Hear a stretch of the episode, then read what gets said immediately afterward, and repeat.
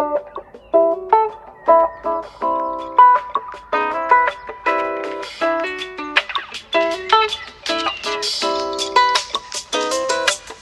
lagi di Culture Talks. Kali ini kita bareng sama Brandon Lil Hero.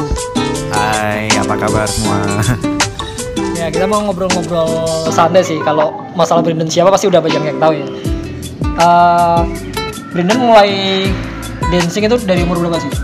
Aku sebenarnya mulai nari, eh, tahu nari sebenarnya dari umur 3 tahun, tapi itu masih belum yang menekuni hip hop.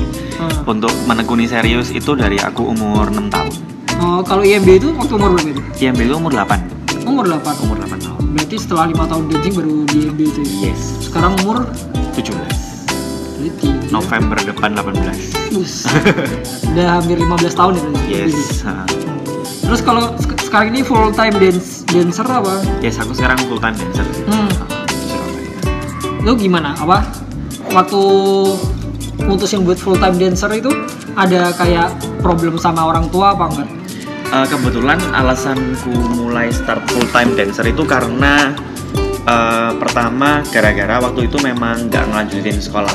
Oh, Jadi pas- dari- waktu kelas berapa itu? Kelas 11 pertengahan aku keluar dari sekolah.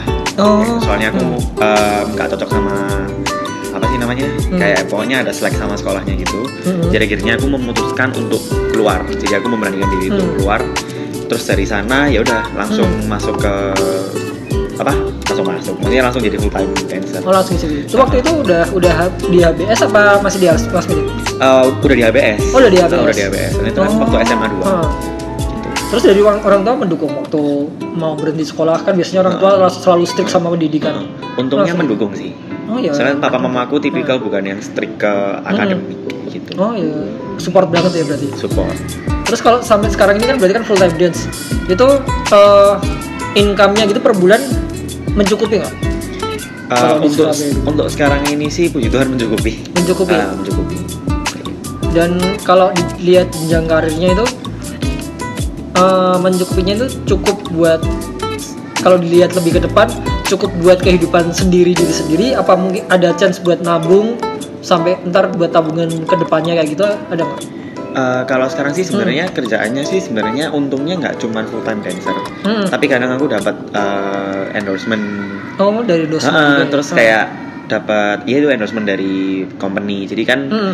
sebenarnya lumayan juga bisa buat nabung untuk ke depannya kayak gitu. Jadi Hmm. bukan bukan yang sekedar apa namanya cuman per bulan cuma ada berapa berapa enggak. Untung, Hmm. Untungnya nggak kayak gitu. Hmm. Jadi bisa nabung buat ke depannya sama Hmm. memang harus lebih kerja keras lagi. Oh, terus itu modelnya kayak apa?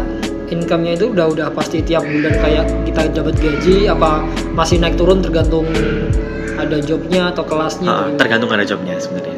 Hmm, berarti bisa dibilang sekarang stabil atau belum stabil? Maksudnya ada stabil? Ah. Katakanlah kalau misal skala Ada 1 job sampai terus, 5 bakal ada pasti udah pasti ini tiap bulan pasti minimal dapat segini nih terus. Iya, oh, udah, gitu. berarti udah, udah, udah, stabil. ya? stabil lah. ah. Hmm. Dan ini full full time dance-nya itu lebih ke koreo ya kalau Brandon? Iya, kalau aku lebih ke koreografi, kayak kelas, open class, Hmm. judges dan lain-lain. hmm. Open class-nya itu lebih ke jadi kayak eh, cuma kita bikin koreo lepas terus habis itu udah atau bertahap kayak akademi gitu. Bakal ada basic-basicnya tiap ini terus ntar ujungnya bakal jadi koreo atau gimana?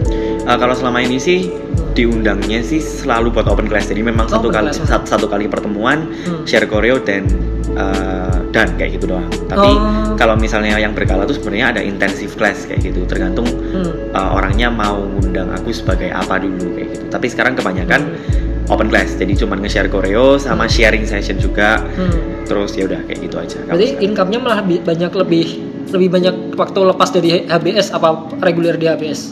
Uh, kebetulan di HBS aku bukan bukan jadi pengajar tetap, Oh malah bukan. Uh, bukan jadi pengajar tetap, Ah. tapi aku kayak tim intinya gitu. Tapi Hmm. untuk masalah aku ngajar dan lain-lain, Hmm. uh, apa sih namanya? Ya memang aku ada manajemen sendiri. oh ada manajemen uh, sendiri berarti nggak nggak masuk ke HBS-nya. Ka- kadang masuk ke HBS soalnya memang Ah. ada rules untuk uh, apa namanya ada sistemnya sendiri di HBS kayak gitu Hmm. tapi uh, anggapannya HBS ini tempat di mana aku latihan kayak gitu Oh, tempat di mana aku masalah ya berkembang dan lain-lain enggak, enggak. Hmm, aman berarti. kayak gitu aman Kalau kalau ngelihat ini perkembangan kan jadi kan kebanyakan orang kan eh, ngelihat orang kalau jago nih gara-garanya dia udah apa udah tua udah ini. Sedangkan kamu kan ini istilahnya usianya masih masih muda masih 17 tahun habis itu masih 18 tahun. Hmm. nah sebenarnya kalau eh, predikat jago atau enggak itu dilihat dari mana? Kalau dari perspektifmu. Kalau dari perspektifku adalah melihat dancer yang jago itu kalau dari menurutku sendiri adalah dancer yang berani. Jadi dia berani explore Mm-mm. dan berani terjun di freestyle ataupun di koreografi. Jadi kayak dancer yang open minded itu menurutku yang Mm-mm. dancer yang jago. nah kalau kamu sendiri ke arah mana sebenarnya Eh, kalau aku sih sekarang lebih fokusnya ke koreografi. Ke koreo. Soalnya dulu sempat freestyle lama banget. oh dulu sempat freestyle Dulu sempat freestyle. Soalnya waktu dulu kan Hmm. sempat di last minute. oh di last minute waktu dulu last minute, freestyle ah, ah, Oh, fokusnya freestyle. ah, Jadi kayak freestyle, memang di drillnya freestyle, Freestyle, di last minute. ah. Di ABS kan memang fokus timnya lebih koreografi Koreo, kalau ABS. hmm. Nah dari sana pun aku juga ngikutin lah kayak gitu. Hmm. Jadi ya saling membekali antara koreografi dan freestyle. oh gitu Yes. terus kalau ini aku kerucutin lagi Ah, kalau koreografer yang jago itu kayak gimana menurut koreografer yang jago itu yang kalau as a dancer sih yang pas Iya. yang pasti adalah uh, bisa semuanya ya. Mm-mm. Jadi kalau bisa dikasih semuanya tuh genrenya atau segala musik atau uh, dikasih koreo atau dikasih lagu apa pun badannya bisa menyesuaikan dan anggapannya kayak versatile Hmm. dancer yang versatile kayak gitu jadi itu menurutku yang jago Oke oke. Terus kalau ini, misal nih koreografer, koreografer kan istilahnya ada pasti kan mereka ada ada panutan panutannya kan, kayak Yes. inspirasinya mereka lebih ke arah yang misal ke arah Kion, ke arah Jaga Yeah. atau mana kan macam. Kalau kamu sendiri lebih ke mana? kalau aku sendiri sih sebenarnya aku sebenarnya suka ngeliatin semua contohnya Hmm. kayak eh anggapannya misal aku tuh meskipun styleku nggak urban yang Hmm. bukan urban koreografi yang sampai segitunya mungkin aku eh saya salah maksudnya kayak meskipun aku bukan tipikal dancer yang suka pakai lagu slow atau lagu yang super chill dan lain-lain Hmm. tapi aku di satu sisi tetap tetap suka liatin contohnya kayak um, Sean Lu yang Hmm. pen- apa maksudnya cara narinya beda banget sama aku Iya. terus kalau misalnya yang setipe sama aku sih contohnya kayak Sienna Hmm. terus kalau apa dari stylenya aku suka Melvin Tim Tim terus Hmm. Rihata banyak banget yang aku liatin tapi ya itu contoh simpelnya adalah kayak selain yang aku suka liatin dari styleku Hmm. style orang lain ya kayak Sean Lu, Keoni Mari habis itu banyak banget Hmm. Heeh. Jadi tetap tetap explore ke Ha, tetap yang explore yang yes. lainnya ya. Ha-ha. kalau buat ini eh, industri nih industri di industri dance itu sebenarnya profitnya lebih banyak sebagai pelaku dan dancernya pelaku dan apa pelaku di dance sebagai jadi kayak sebagai back dancer terus Mm-mm. penari di ini di ini di ini karena kan sekarang banyak nih dance academy kayak UDW dan lain-lain masih sudah banyak nih Yes, di, ah. di kota atau sebenarnya lebih profit kalau sebagai koreografer Oke. Yang Um?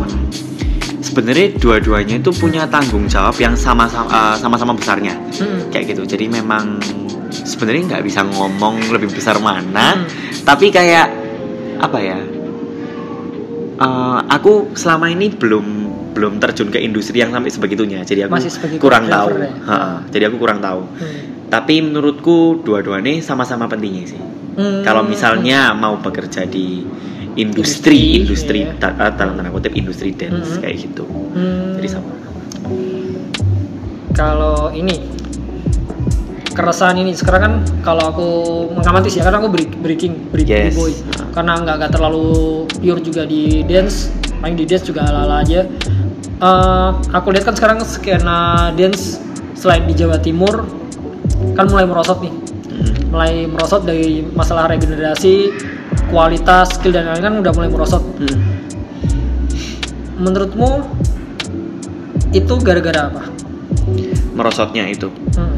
Em, kalau dari kacamatamu merosotnya scene di daerah-daerah sini kayak gitu. ya. iya Eh, menurutku karena mindset sih. hmm. Soalnya mungkin mereka mikir kayak ah jadi dancer itu susah. Hmm. kayak gitu atau mungkin juga mereka juga punya anggapan kayak ah jadi dancer itu dapat apa sih Hmm. kayak gitu Hmm. tapi di satu sisi sebenarnya eh, kita sebagai dancer yang sudah maksudnya yang udah dancer lama itu memang Iya. tugas kita untuk menarik Hmm. anak-anak kayak gitu dan mindsetnya yang dibenerin kayak Hmm. gitu jadi eh, semacam apa ya Eh, mungkin faktor utamanya ya karena itu sih pemikiran-pemikiran yang masih anggapannya masih kuno gitu lah yang kayak Hmm. dari dan bisa dapat apa terus Hmm. kayak emang bisa menjanjikan lah kayak Iya. gitu loh jadi mungkin mindset-mindset yang kayak gitu yang membuat kadang dansin bisa dianggap kayak merosot Hmm, kalau ini sih ini kan apa dari sudut pandangku sudut pandangku kenapa kok regenerasi mulai turun terus kualitas dancer di kota-kota terutama kota-kota kecil itu Hmm. mulai hilang. Menurutku sih ada kesalahan dari segi pengajaran. Ya itu- setuju nggak? karena setuju aku ngamatin kalau kena karena kebanyakan sekarang eh, orang yang orang-orang yang berprofesi sebagai pengajar di dance mereka sekarang kayak semacam cuma jual koreografi Hmm. tapi nggak didik muridnya buat jadi koreografer juga Ha-ha. yang mana ntar bakal rotate terus Ha, ha, benar itu kalau di Surabaya gimana kok bisa terus ada regenerasi kebe- Cara kebetulan pendidikannya. kalau di Surabaya sih selama ini kita bukan cuman ngajarin kalau di HBS ya Iya. kita nggak cuman ngajarin koreografi doang Mm-mm. tapi kita juga ngajarin basic di semua style Hmm. kayak gitu contohnya di kelas eh, di kelas reguler intermediate-nya HBS eh, kita selalu ngajarin basicnya kram Hmm. house popping dan Hmm. lain jadi selain eh, murid itu juga bisa ngerti kalau oh dance itu sebenarnya nggak cuman itu itu aja ya Oh, kayak gitu. Jadi- tahu be- macam-macam warna ya? Heeh, tahu macam-macam warna Oh. dan dari sana kan tahu badan mereka heeh, badan mereka jadi Hmm. kaya juga kan jadi Iya. mereka juga bisa menentukan kayak oh aku ini cocoknya di mana sih Hmm. kayak gitu jadi apa ya kalau di Surabaya sih Hmm. Menurutku yang bikin tetap bertahan itu kayak gitu jadi kayak memang beneran latihan dari basic itu Hmm. memang sangat-sangat penting kayak gitu jadi jangan lupakan Hmm. basic kayak gitu Kalau eh, menurutmu yang di Indonesia nih, Mm-mm. yang kamu anggap jadi rival sebagai koreografer siapa? sebenarnya untuk Emang kan nggak Ha-ha. langsung ketemu kan, tapi Heeh. kamu yang misalnya ah koreoku harus bisa lebih jago daripada orang Hmm. ini. Ada nggak bayangan siapa? Hmm, kalau untuk rival sih jujur aja ya dari dari semenjak aku masuk dunia koreografi aku belum em, belum kayak punya mindset kayak oh ini rival ini bagus. Soalnya menurutku semua dancer tuh bagus in their own way Hmm. kayak gitu. Jadi memang eh, apa ya mereka tuh bagus di zona mereka. Jadi Iya. kalau misalnya dibandingin sama style atau stylenya siapa pun itu kayak nggak bisa dibilang kayak oh lu bagus lu jelek nggak. Nah, beda. Soalnya ya? beda. Iya. Dan itu yang buat aku tertarik sama dunia koreografi di mana Hmm, hmm. kita bisa jadi diri kita sendiri Hmm. dan kita juga bisa kreatif ibaratnya kayak gitu. Hmm, nggak ada patokannya. Soalnya kan kalau di freestyle kan ada battle Ya, buat, buat ha, comparing ha, skillnya setuju. yang mana Ha, ya. ha, Kalau ha. di koreografer susah juga ya. Nah, susah juga soalnya Hmm. beda. Ca- Hmm. Contohnya kayak koreografer A sama B dikasih Hmm. lagu yang sama, Hmm. pasti cara pengambilannya beda. Hmm. Kayak gitu. Jadi itu memang sebenarnya taste dari masing-masing dan taste dari orang-orang yang di sekitar Hmm, kayak gitu. kalau dari segi penjurian, Mm-mm. misalnya ada kan kayak beberapa event di Indo yang aku nemuin tuh choreography of the year in the beat. Oke, Nah, ah. itu kan menarik. Yes. Itu kan otomatis yang dinilai kan bukan cuma sekedar olah geraknya, Ya, tapi konsepnya kan. ya. Itu waktu choreography of the year itu kayak gitu penilaian itu berdasarkan apa? Apa kayak dance kompetisi pada umumnya atau beda? Mm. Sebenarnya dance competition pada umumnya tuh pasti penilaiannya sama. Hmm.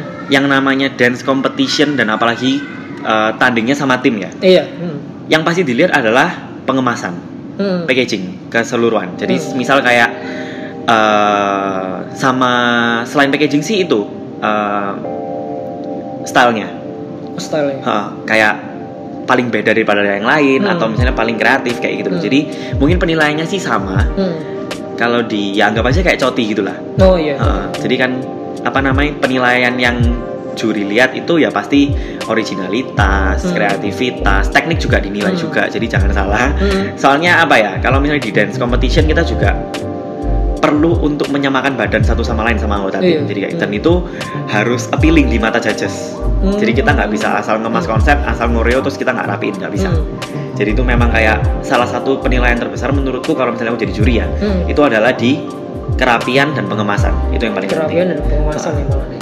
Oh gitu. Terus dan teknik menurutmu, hmm, teknik. kalau di koreografi itu durasi ngaruh nggak?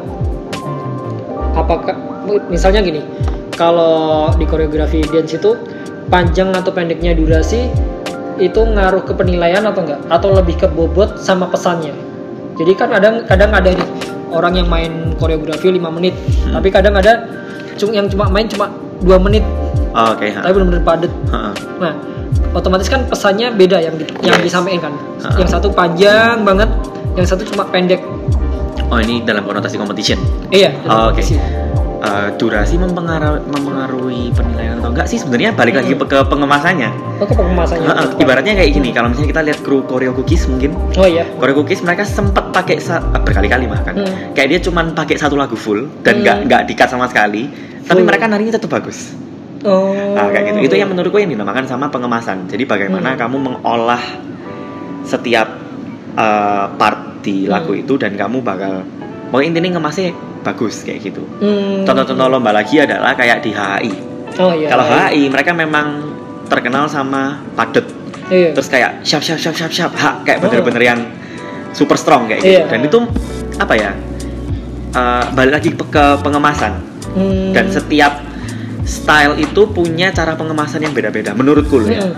apalagi kalau sekarang kita bisa lihatnya yang paling kelihatan adalah dari event lombanya Oh, contohnya lomba HI sama lomba Hmm. Vibe pasti bawainnya beda Oh gitu. Kayak gitu. Juga ada warna eventnya ya. iya ha. Berarti nggak nggak beda jauh dari breaking kayak ada boti, ada freestyle session kan itu beda warna udah. yes ha. Oh gitu. Hmm. Kalau ini masalah event di Indonesia ini, kalau event buat yang sewarna kamu buat kayak koreografi atau dance competition, yang kamu ngerasa target tiap tahun harus ikut ini, itu apa? Nah, kalau untuk target sih sebelum hmm, target tuh sebenarnya nggak ada sih kalau Hmm. dari kita. Tapi mungkin baru-baru ini karena ada muncul HI barusan, Oh, iya. terus kayak aku merasa aku cocok kalau misal bikin konsep kayak di lomba-lomba HI, ya Hmm. mungkin kalau aku pribadi ya, aku pengen menargetkan HI, HI. kayak gitu. Oh, gitu. Tapi ada juga dancer yang mungkin menargetkan ide beat atau Iya. Arena kayak gitu. Jadi macam-macam sih. nyesuaiin warna mereka. Nah, ya? nyesuaiin warna juga Hmm. dan nyesuaiin sama identitas tim. Oh iya, Kayak yang gitu, ya. yes. Hmm. Kalau sekarang Brandon mentoring anak kecil kan? Yang benar-benar di mentoring Hmm, istilahnya, bener. kamu udah nemu, Ah, Oke. Ah ini nih, ini Hmm. calon penerusku nih, nah, Hmm. gitu, udah ada belum? Kalau aku jadi mentor yang sampai sebegitunya yang kayak bener-bener ngurusin anak orang kayak Hmm. ngelatih itu enggak, Oh belum. belum. Tapi kayak sering bantuin murid-muridnya HBS kalau kayak Hmm. mau lomba mau apa itu aku baru bantuin tapi bukan Hmm. nge-mentorin mereka yang dari nol putul Hmm. enggak tapi kayak bantuin mereka uh, waktu mereka mau lomba atau Hmm. bantuin mereka nge-mix lagu ngajarin mereka kayak gitu Masih global ya, jadi belum Iya. ada yang personal. Ah Iya. anak ini harus Iya, bisa belum. dijadiin nih, Iya, belum belum belum, belum, ya. belum. Oh, I see. Kalau buat ini, kan dulu dari freestyle terus ke choreo, ada nggak kayak rasa pingin ikut turun battle lagi? Kalau sekarang sih rasa untuk pengen turun battle-nya masih belum ada. Belum ada. Tapi pengen belajar laginya ada. Oh, Uh, gitu. Soalnya sekarang Hmm. uh, di ABS kan ada yang ikutan cramping tuh. Iya, ada Ir- cramp session cramp juga ya. session kan. Ah. Nah, dari sana aku tertarik. Nah, Ah. akhirnya aku masih belajar cramping. Kayak Oh, sekarang mulai masih ngulik-ngulik aja. Tapi kalau untuk sampai turun battle masih belum. Soalnya kan dulu uh, sempat turun battle beberapa kali. Hmm. Terus kayak di jor-jornya di jor-jorno nih di Hmm. battle kayak gitu. Jadi aku Hmm. mungkin kayak mau sih aku tak fokus di koreografi sih Hmm. kayak gitu. Tapi nanti nggak tahu ya. Ya kita kan nggak akan Iya, pernah tahu ke depannya kayak gimana hmm. Gitu. Tapi sementara Hmm. ini koreografi. Kalau dulu waktu eh, jadi freestyler turun-turun battle yang jadi rivalitas ada Aduh, di masamu? mungkin ada ya. Hmm.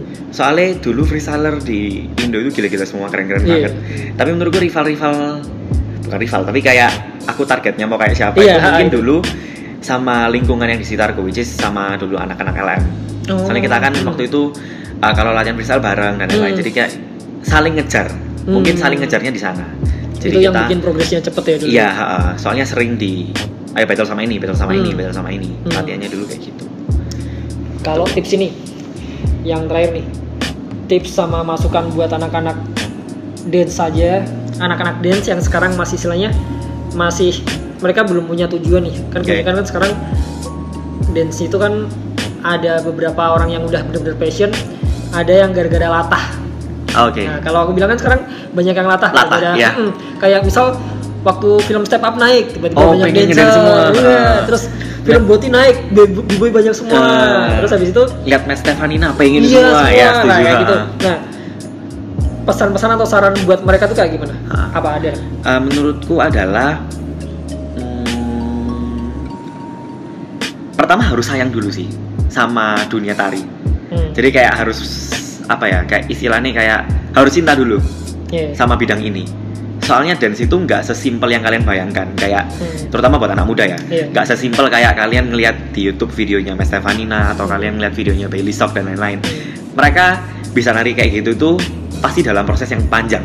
Hmm. Jadi nggak bisa cuman asal terus jadi, nggak. Hmm.